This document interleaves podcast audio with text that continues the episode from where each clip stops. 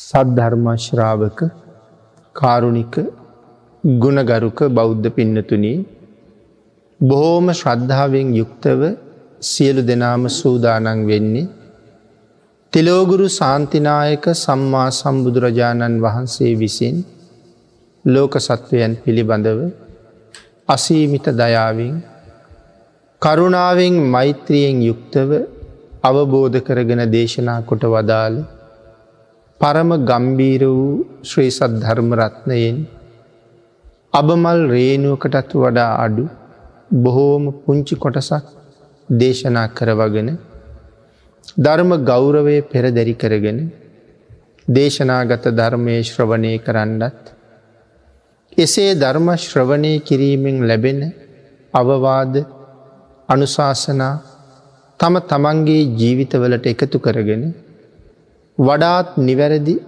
මෙලව ජීවිතයක් සකස් කර ගණ්ඩත් නිවැරදි වුණ මෙලව ජීවිතයක් තුළින් සුගතිගාමී වූ පරලෝ ආයිති භවයකින් සැනසෙන්ඩත් අවසානි ප්‍රාර්ථනා කරන බෝධියෙන් සැප සහිත ප්‍රතිපදාවෙන් ඉතාම ඉක්මං භවයක උතුම් චතුරාරි සත්‍ය ධර්මය අවබෝධ කරගෙන සසරින් එතරවීමේ බලාපොරොත්තුවත් ඇතුව.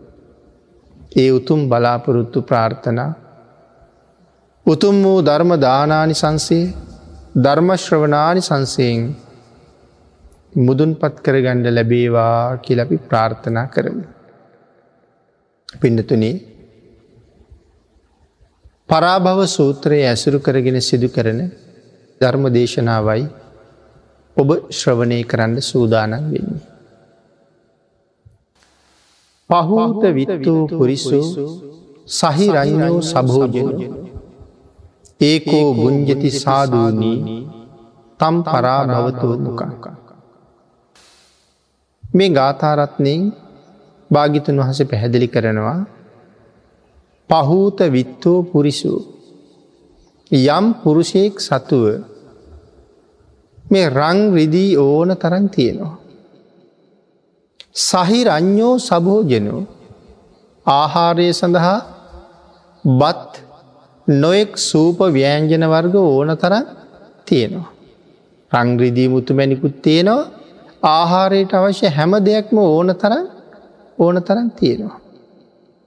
ඒකෝ බුංජති සාධූනී තං පරා භෞතුවමුක නමුත් තමන් බුක්ති විඳින්නෙත් නෑ. ඥාතීන්ට හරිමිහෙ දෙන්නෙත් නෑ. ධනය තියෙනවා පරිහරණය කරන්නේ. සමහර අයනං අපි දකිනෝ මේ තමන් බුක්ති විඳිනවා ඥාතීන්ට දෙනවා හැබැ බාහිර කාටවත් දෙන්නේ නෑ. සමහර අය ගැන සඳහන් කරනවා තමන් බුක්ති විඳින්නෙත් නෑ දරුවන්ට දෙන්නෙත් නෑ ඥාතීන්ට එහෙනදි කොහොම දෙන්නෙත් නෑ. එහෙම පිරිසුත් ලෝක ඕන තරන් ඉඳලතියෙනවා. ආං එවන් අය පරිහානියට පත්වෙනවා කියලා බුදුරජාණන් වහස දේශනා කොට වදාද. තව ටිකක් අපි මේක විස්තර කරලා සාකච්ඡා කෙරුවොත් මේකට අපිට උදාරණ හැටියට කතා කරන්න පුළුවන් කෝසිය සිටිතුමා. ඊට අමතරව අපි දන්නවා මට්ට කුණ්ඩලීගේ තාත්තා අදින්න පුබ්බක බ්‍රාහ්මණය. තව හිටිය ආනන්ද කියල සිටුවරෙක්. ඔබට මතක ඇති ධර්මදේශනාවලින් අහලව ඉල්ලීස කියල සිටුවරෙක් හිටිය. මේවාගේ මහා පුද්දුම විදිහට ලෝභකමින් යුක්තයි. මේකට කියන්න පින්නතන කදරිය කියලා. කදරිය කියන වචනෙ පාවිච්චික. නමුත් ඒ හැම කෙනෙක්ම පරිහානියට පත් වනා. කෝසිය සිටුවරය ගැන සඳහන් කරහම ඉල්ලීස සිටුවරය ගැනත් එතනින්ම කරුණු දක්වන්න පුළුව. අපේ බුදුරජාණන් වහන්සේ වැඩඉන්න කාලි මේ කෝසිය කියන සිටුවරය රජගහනුවර තමයි ඉන්නේ. මේ කෝසිය සිටුවරයට අසූ හතර කෝටියක් විතර ධනය තියෙනවා. මේ අසූ හතර කෝටියක් කියලකයම අපේ රුපියල් නෙමේන්නේ මෙ ඔක්කොම කහවන්නු.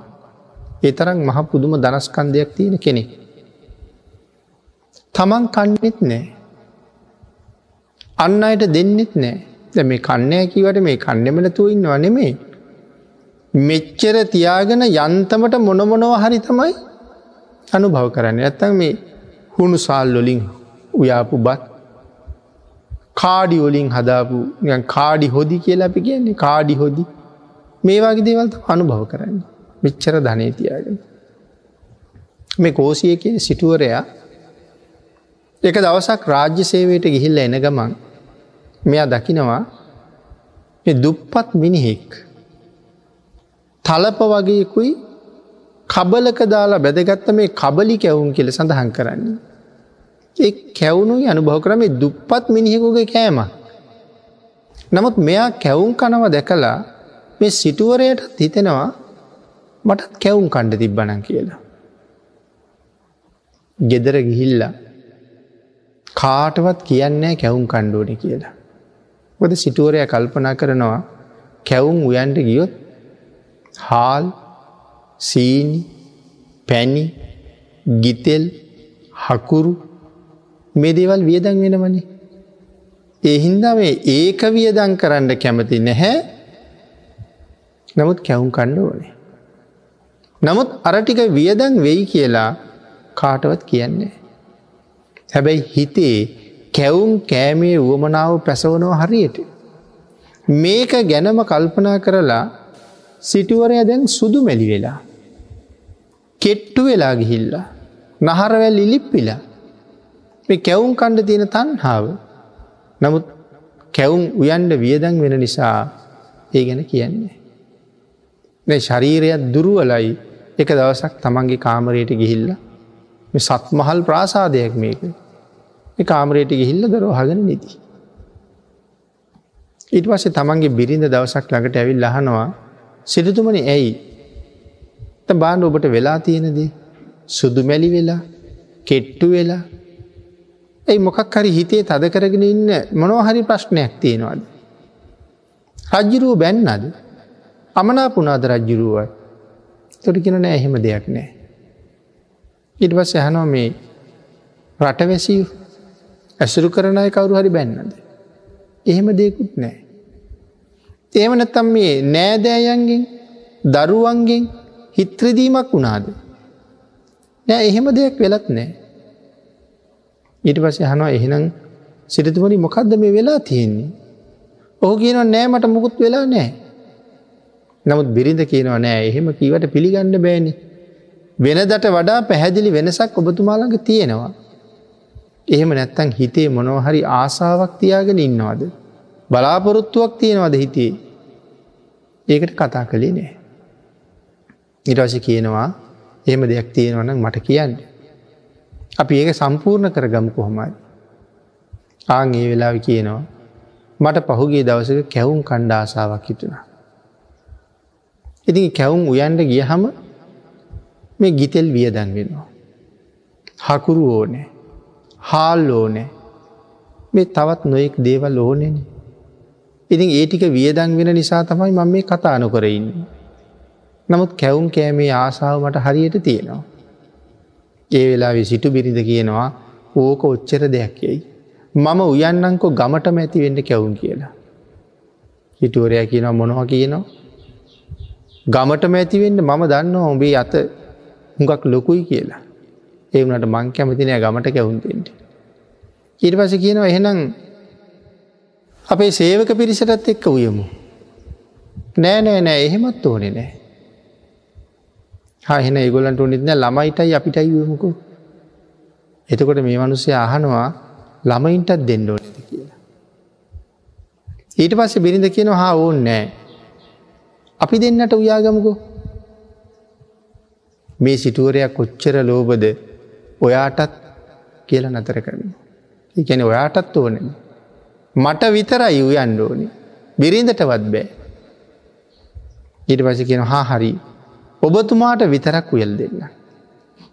ඉට පස කියනවා තෙල් ටිකකුයි හකුරු ටිකකුයි කියෙන හොඳ හාල් එහෙම ගණ්ඩෙපා හුණු සල්ටික කරගන්න.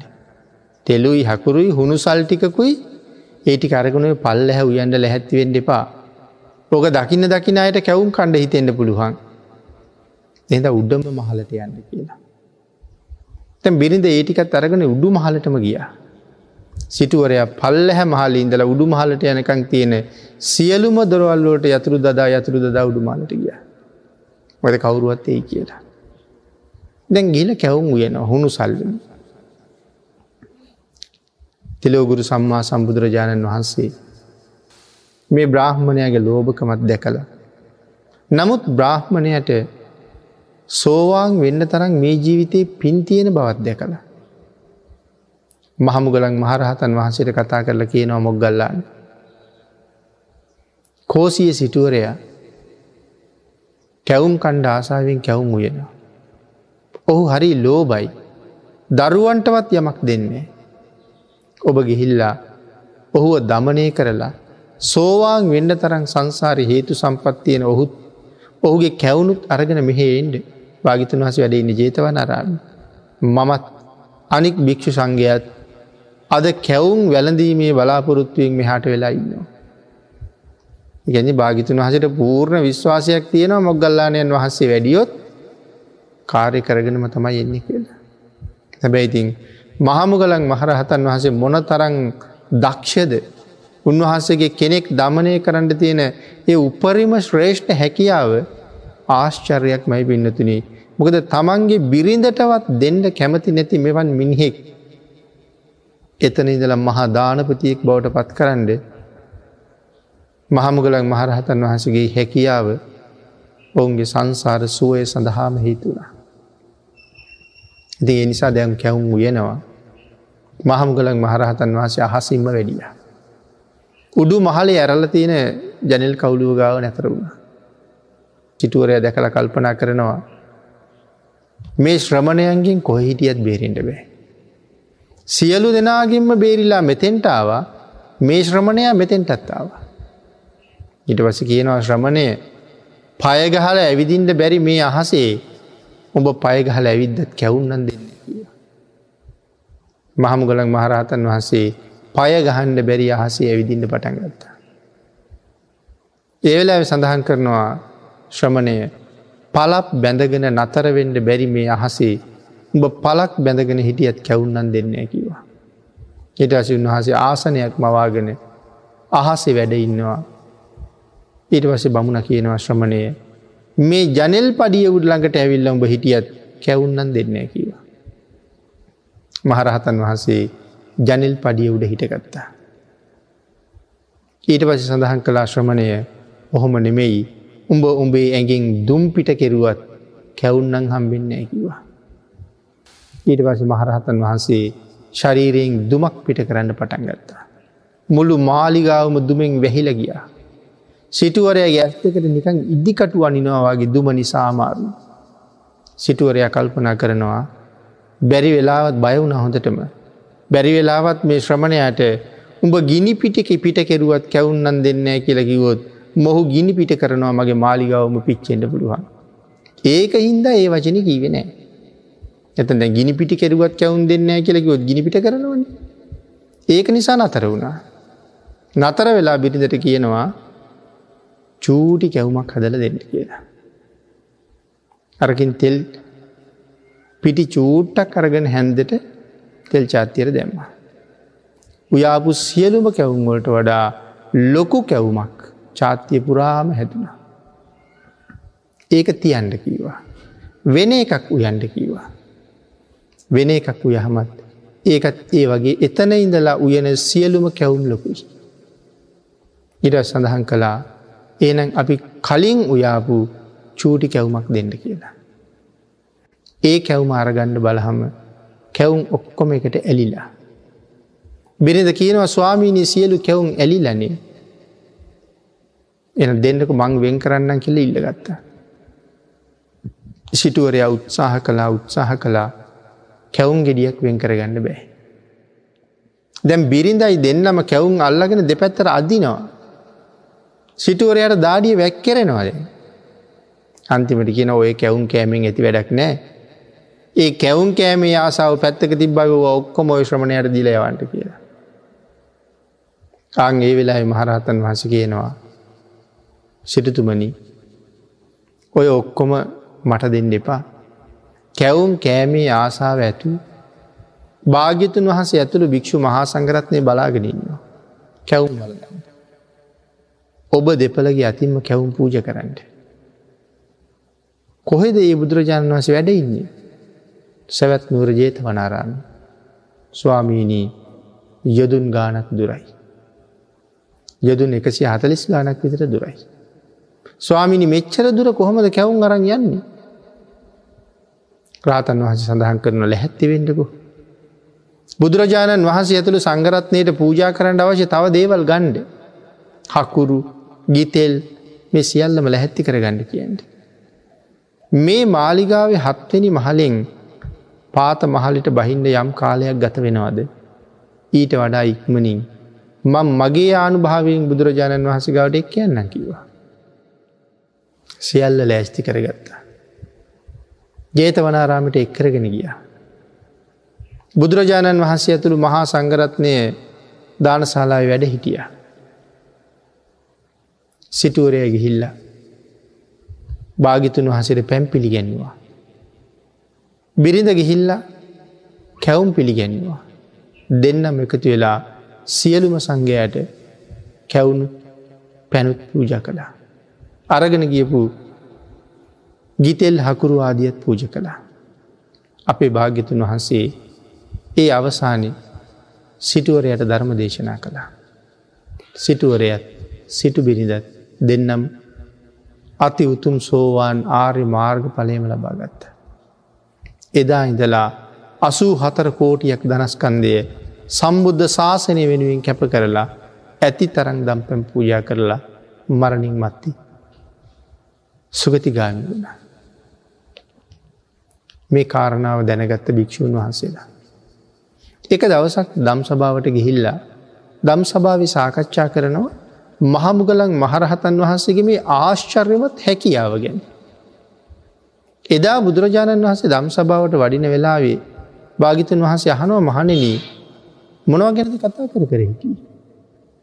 ස්වාමීනී අපේ මහමුගල්ලානයන් වහන්සේගේ මේ අස්සිරිමත් හැකියාව ගැන අපි කතා කළේ. තමන්ගේ දරුවන්ටවත් තමන්ගේ බිරිඳටවත් යමක් දෙන්ඩ අකමැති මේ සිටුවරය.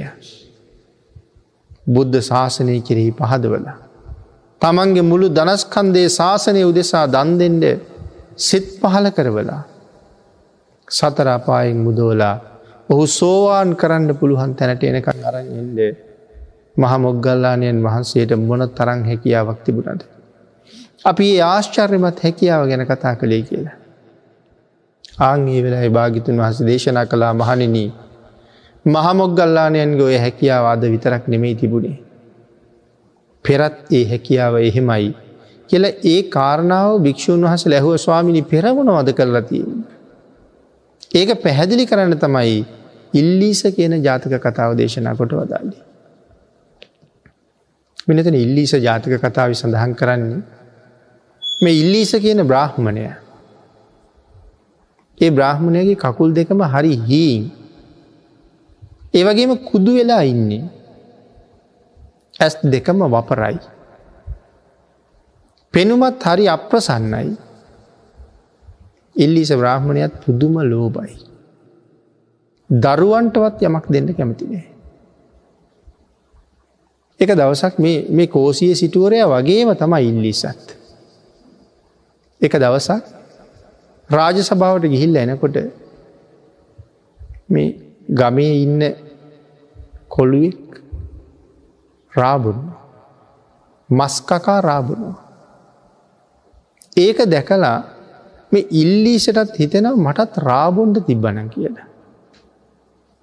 දැන් එයාට දින රාබොන ආසාාව. කෝසියට තිබුණ කැවුම් කනාසාාව. එහිද තමන්ගේ සේවක කොළුවකුට කතා කරලා ඒ කොළුවට කියනවා රාටිකක් හොයාගෙනෙන්ට කියලා. රාටික ගෙනල්ල දුන්නහම මාලිගාවෙන් ඈතට යනවා ගංගාවක් ගාව තියෙන කැලෑවකට ඇයි මාලිගාව ඉන්න කට්ටියත් රාද කළ රාඉල්ලයි කියලා. කැලෑවකට ගිහිල්ලා රා ගෙනාපු කොළුවටත් කියනවා ඔබත් යන්න මෙතනින්ද. ඒ කොල්ලටවත් ටිකක් දෙන්නේ. තැන් සියලු දෙනාගෙන් මිදිලා තනියම රාබුණවා. මේත් මහාදනස්කන්දයක් තියෙන කෙනෙක්. සක්‍ර දේවේන්ද්‍රයන් වහස මේක දැක්කා. මේ මහ පුදුම ලෝභ සහගත මේ බමුණා සියල්ලන්ගෙන් හැංගිලා රාබණ බව දැක්කා. කල්පනා කළා බමුණගෙ තියෙන මේ ලෝභකම නැති කරන්න මේක හොඳම වෙලා.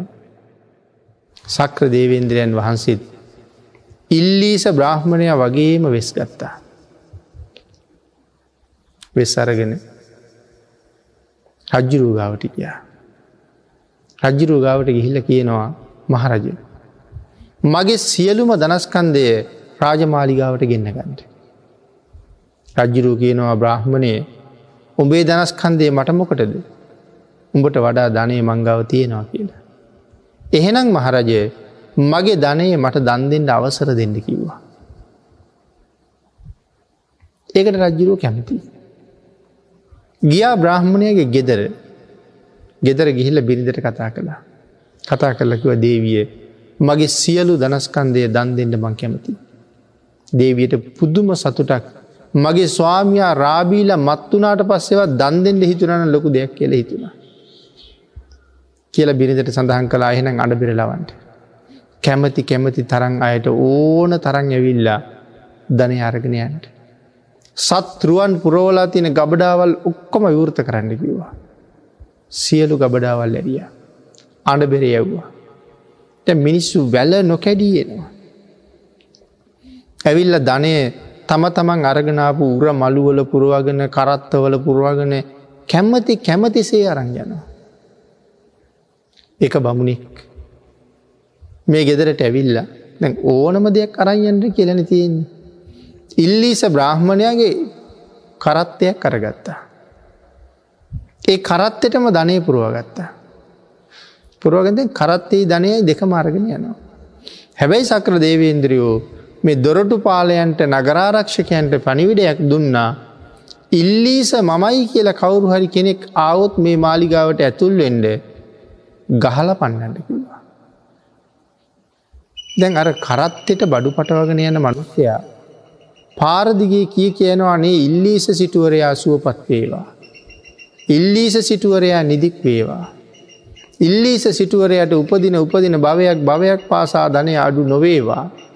මේවාගේ ඉල්ලීස සිටුවරයට ආශිර්වාද කර කර යන්න. මේ තරන් ධනය දුන්න කියලා. මේක අර කැලේ රාභිවී ඉන්න සිටුවරයට ඇහුණා. ඇහිල උජහට පාරට පැන්න. පාරට පැරල බලා මේ මගේ කරත්තෙමන යන්නේ. ඒක මගේ මාලිගාව තියෙන ධනයනෙ පටවලා තියෙන්නේ. දුවගෙන ගිල්ල කය ගැහු අඹට කවුද දෙ මගේ ධනය ගෙනියන්ටකිවේ.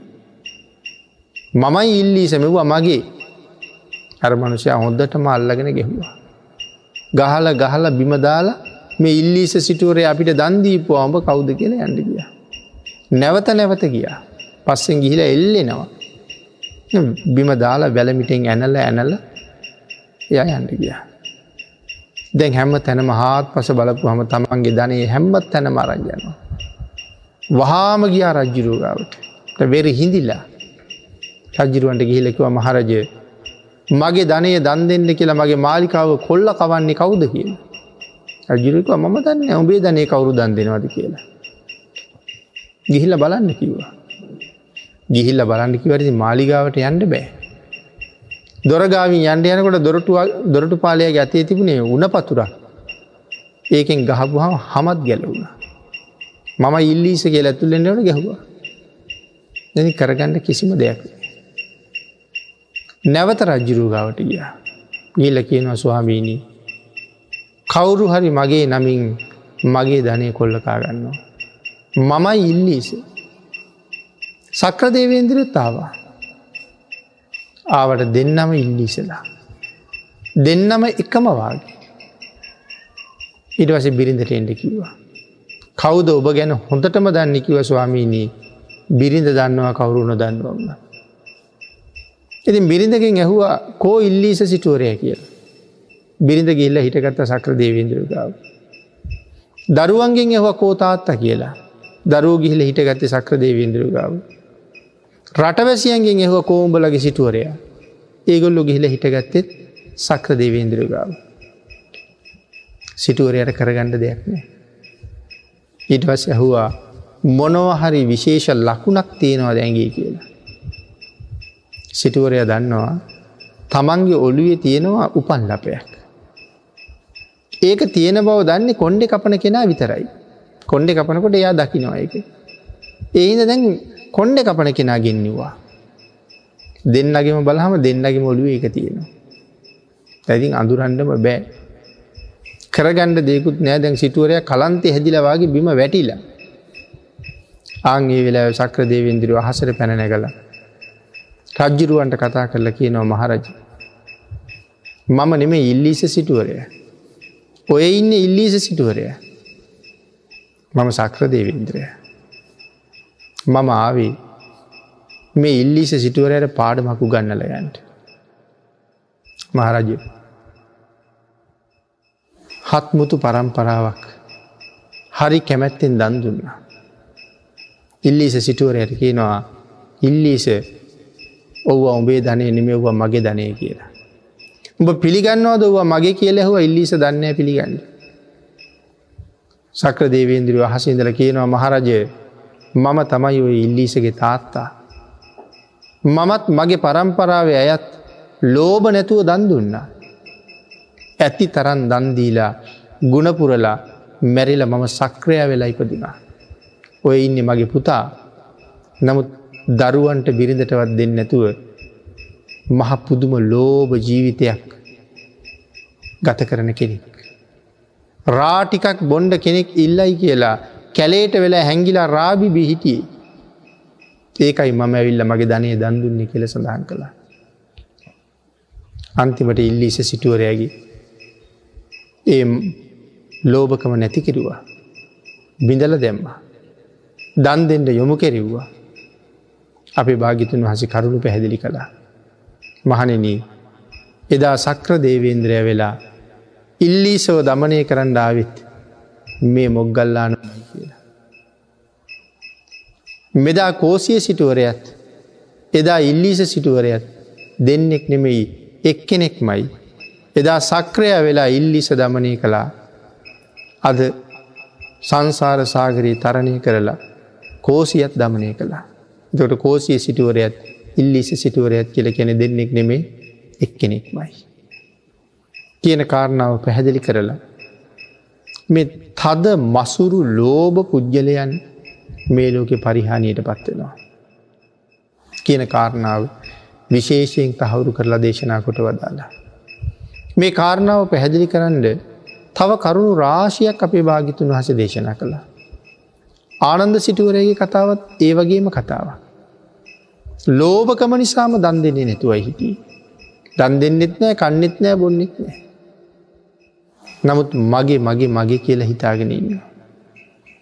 මැරිල ගිහිල්ල දුගතියේ දුක්විඳල අන්තිමට ඉගොත් සැඩොල් කුලේක සැඩොලියකගේ කුසේ ඉපදුනා. ඔහු කුසේ ඉපදිච්ච දවසිඳලා ඒ සැඩොල් පරපුරටම කණ්ඩ බොඩ නෑ. අන්තිමට ඔවුන් තීරණය කළ කරන කිසි වැඩක් හරියන්නේ. ඔවුන් තීරණය කලා මොකෙක් හරි කාලකන්නේ අපේ පරම්පරාවට ඇවිල්ල. අන්තිමට හොයාගෙන හොයාගෙන හොයාගෙන ගිහිල්ල. මේ කාන්තාවගේ කුසේ තමයි කාලකන්නිය ඉන්න කියල පන්නල දෙෙම්ම. දරුව ඉපදුනාට පස්සේ යමක්කමක් කරගන්න පුළුහංගුණාට පස්සේ අම්මත් ඔහුවත් තැරල දාලයන්ට ගිය. එති මේවාගේ සංසාරය දන්දීල නැතු සසර අසරණ වෙන අවස්ථාවන් පිළිබඳව මේ ආනන්ද සිටුවරයගේ කතාවත් විශේෂයෙන් පැහැදිලි කරල තියෙනවා පරිහානියේ හේතුව. අපේ පිනතුන් හොඳට අහල තියෙනවා මේ අදින්න පුබ්බක බමුණ ගැන.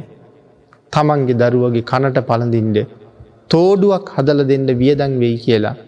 තමම්ම රත්තරං කෑල්ලක් අරගෙන එහෙම මෙහෙන් මිටියකින් තලලා කනේල්ලවා. පුතාට ලෙඩක් හැදුන එකම පුතයි ඒ පුතාට බෙහෙත් ටිකක් කරගණ්ඩ වෛද්‍යාචාරයවරයෙක් ළඟට ගේ නෑ සල්ලි වියදැන් වෙයි කියලා. වෙද මහත්තුරු ළඟට යනවා. අහවල් ලෙදේට මොනෝද දෙන්න කියලා නිකන් කතාවට යන ගමන් අහනවා. ඒක අහගෙන එන ගමන් ගහකින් කොළපුතු කටාගෙන ඇවිල්ල ළමයට තල්ලා දෙනවා. කෝමහවරී රෝගය උත්සන්න වෙලා. ළමයා මරණාසන්න වෙලා. ගේ ඇතුළට ළමය බලන්ඩ කට්ටියාවත්. ඇතුල්ගේ තියෙන ධන සම්පත් දකී කියලා ළමය අවුස්සගෙන ඇවිල එලිය එලි පත්ති දැම්ම ස්තෝක්වී. එන කෙනෙක් එතෙන්ට ඇවිල්ල බලලයන්ට. ඉතින් ආං එහෙම කරපු දෙමව්පියෝ ඉඳල තියෙනවා. ඉතින් ඒකයි මෙතන සඳහන් කළේ පහූත විත්තෝ පුරිසෝ ඕන තරං රංග්‍රදී ධනය තියෙනවා. සහිරං්ඥෝ සබහෝජනෝ නොෙක් ආහාර පාන සූප ව්‍යාංජන ඕන තරන් තියෙනවා. ඒකෝ බුංජති සාධූනී නමුත් තමන්වත් බුක්ති විදින්නේ නැති තර. අනුන්ට දෙන්නෙත් නෑ. තම් පරාභවතුව මුකං එවන් අයි පරිහානියට පත්වෙනවා. කියන කාරණාව භාගිතුන් වහස දේශනා කරමින් මේ කාරණා අපිට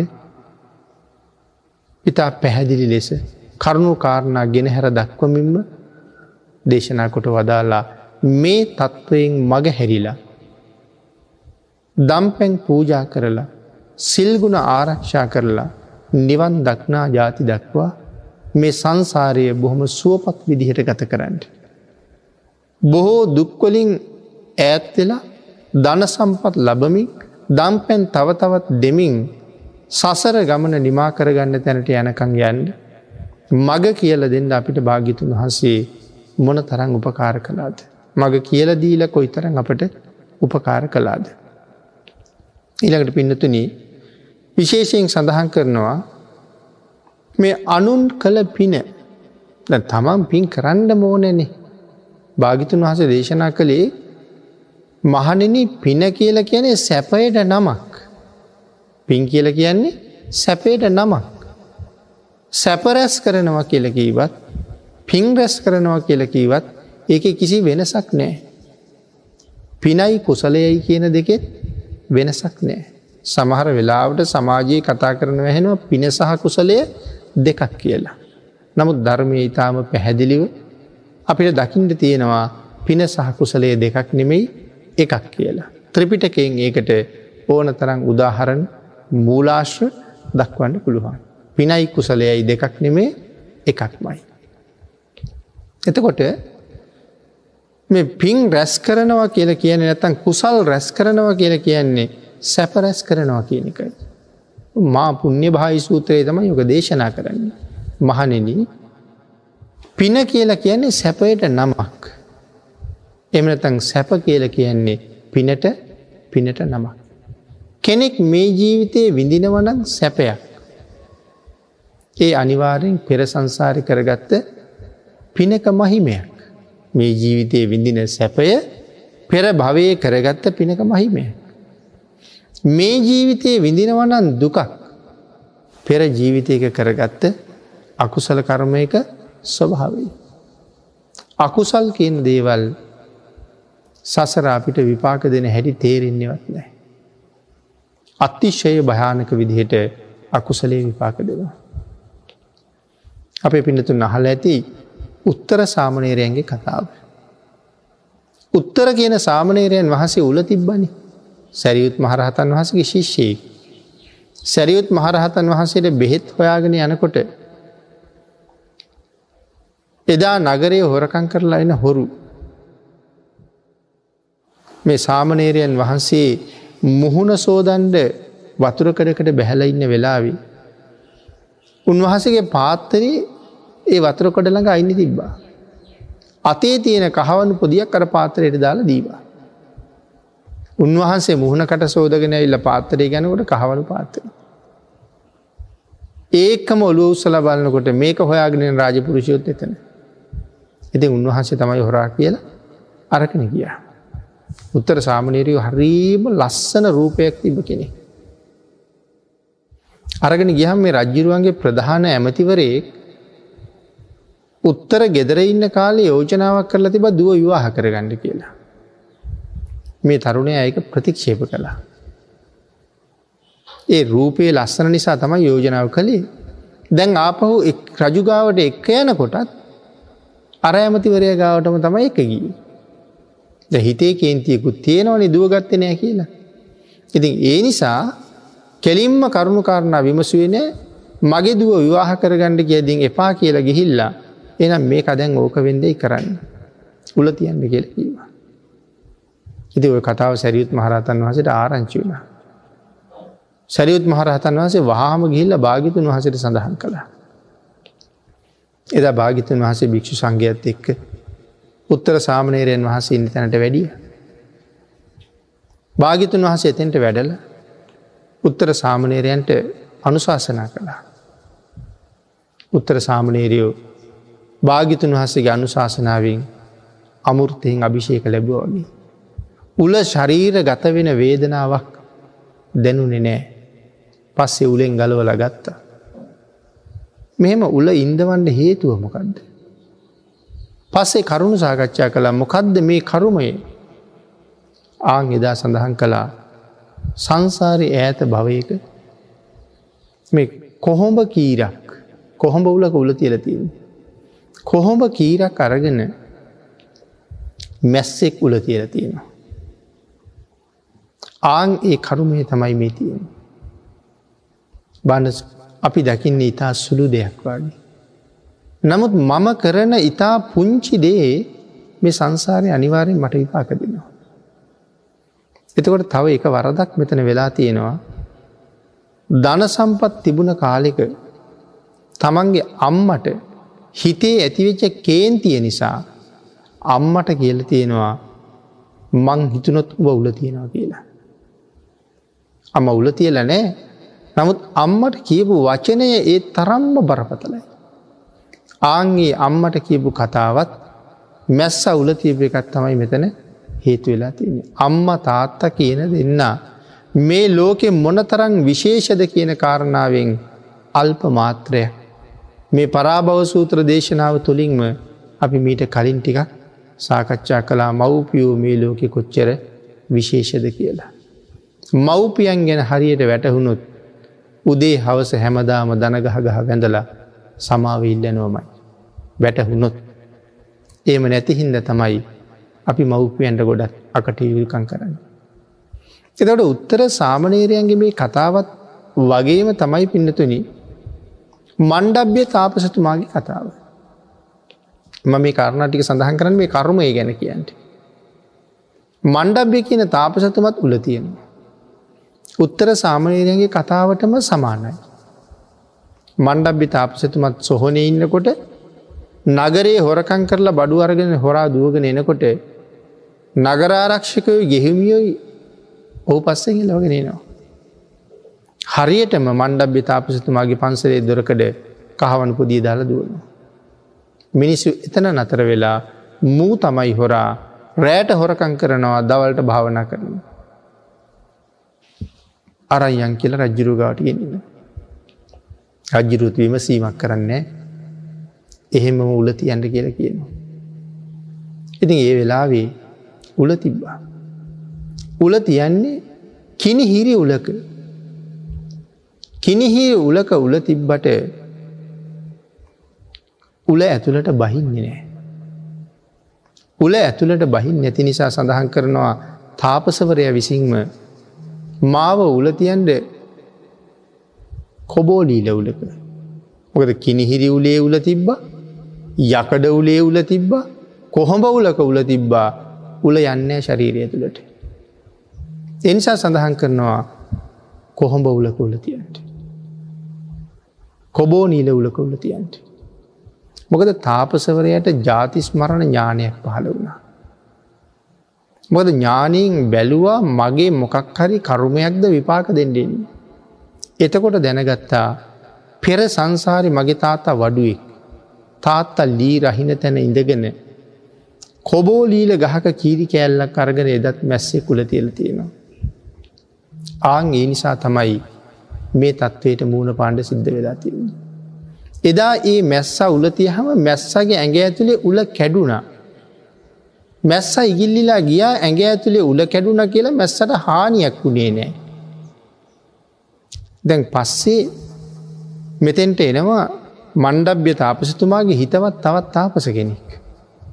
ඒ පාපසතුමා එතෙන්ට ඇවිල්ලා එනකොට යාළුවා උල තියලා ඒවෙලා යහනවා යාළුවේ උඹ කරපු කිසියම් කරුමයක් තියෙනවද කියලා.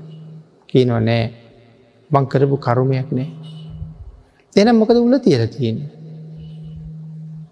පෙර කරුමේ ඒවෙලා යහනවා උඹේ හිත මේ වෙලා විදූෂණය වෙලාද කියලා. මේ කාරණාව හරිම්ම වටිනවා. දැන් උල උඩ තියලා ඉන්න වෙලාව හිත දූෂණය වෙලාද කියලා හන්න. ඇයි මේ හිත දූෂණය වෙලාද කියලා මොකක්ද මේ යහන්න. දැන් හිතේ තරහක් තියෙනවද. බලන්න මැරෙන මොහොත මොන තරං පිරිසිදුවෙන්ඩෝ නැද කියලා.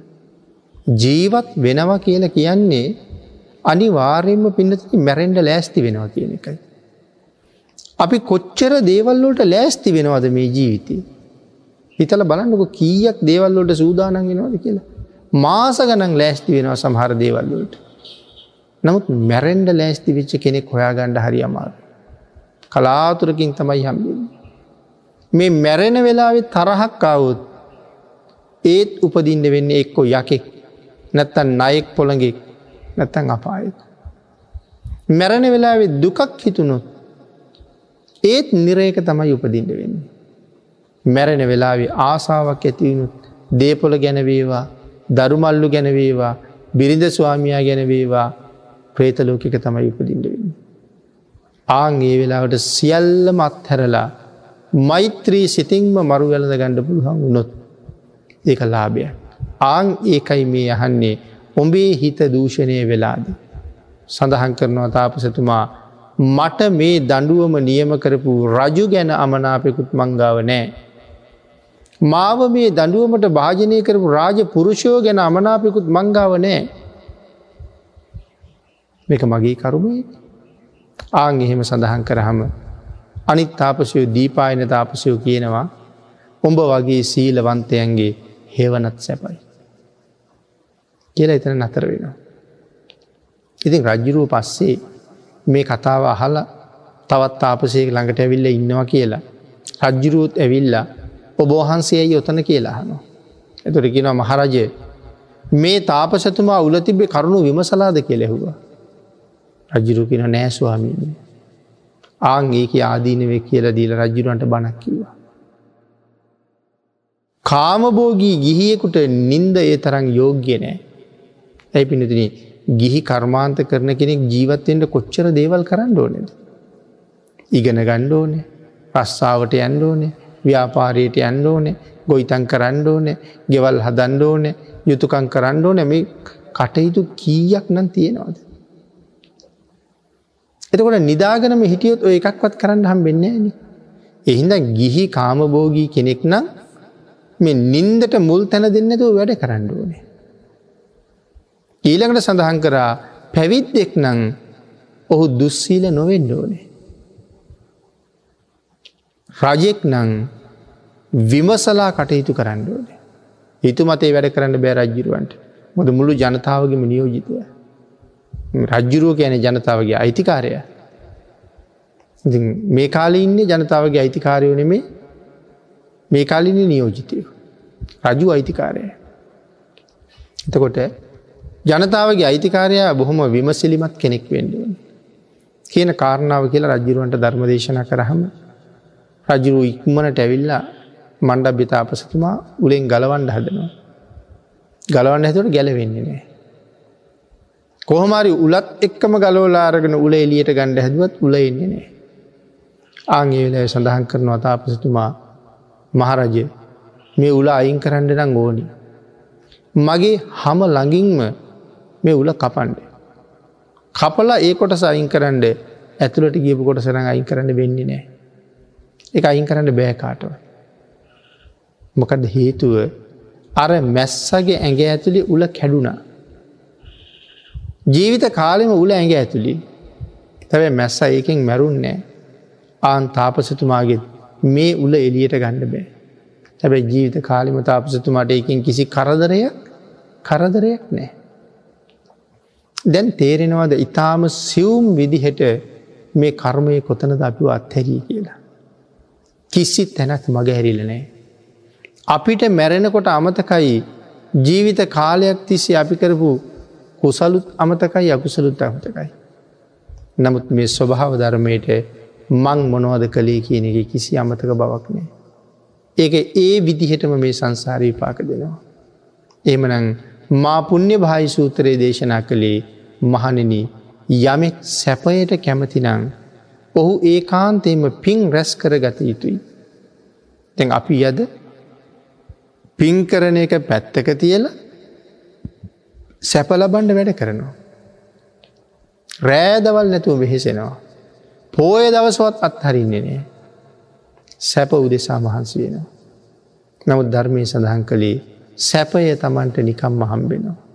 මොනවද කරන්න ඕනි පින් කරන්නට. පින් රැස්කිරීම සැපය රැස්කිරීමයි. පෙර පින් කරලා තියෙනව නං සැප ඕන තරන් ලැබෙනවා. දැ හොඳට හිතල බලන්න. සමහර මව්පියෙක් රෑ දවල් නැතුව මහන්සි වෙලා මහන්සි වෙලා මහන්සි වෙලා වැඩ කරලා ධනය උපේනවා. උපේලා දැන් කෝටි ගන හම්බ කරලා තියෙනවා. ඒගොල්ලො දුක්විඳල දුක්විඳල හම්බ කරලා මැරල යනවා. හැබැ ඒගොල්ලන්ගේ දරුවන්ට දුක්විඳින්න දෙයක් ඇත්තෙම නෑ. ඒ දරුවන්ට නෙමේ මුණුබුරු පරම්පරාවටත් එක හම්බ කරලා තියෙන. ඉතින් බාණ්ඩේ දරුව මොන තරම් පුුණ්‍යවන්තද කියලා. පෙර කොච්චර පින් කරලද කියලා.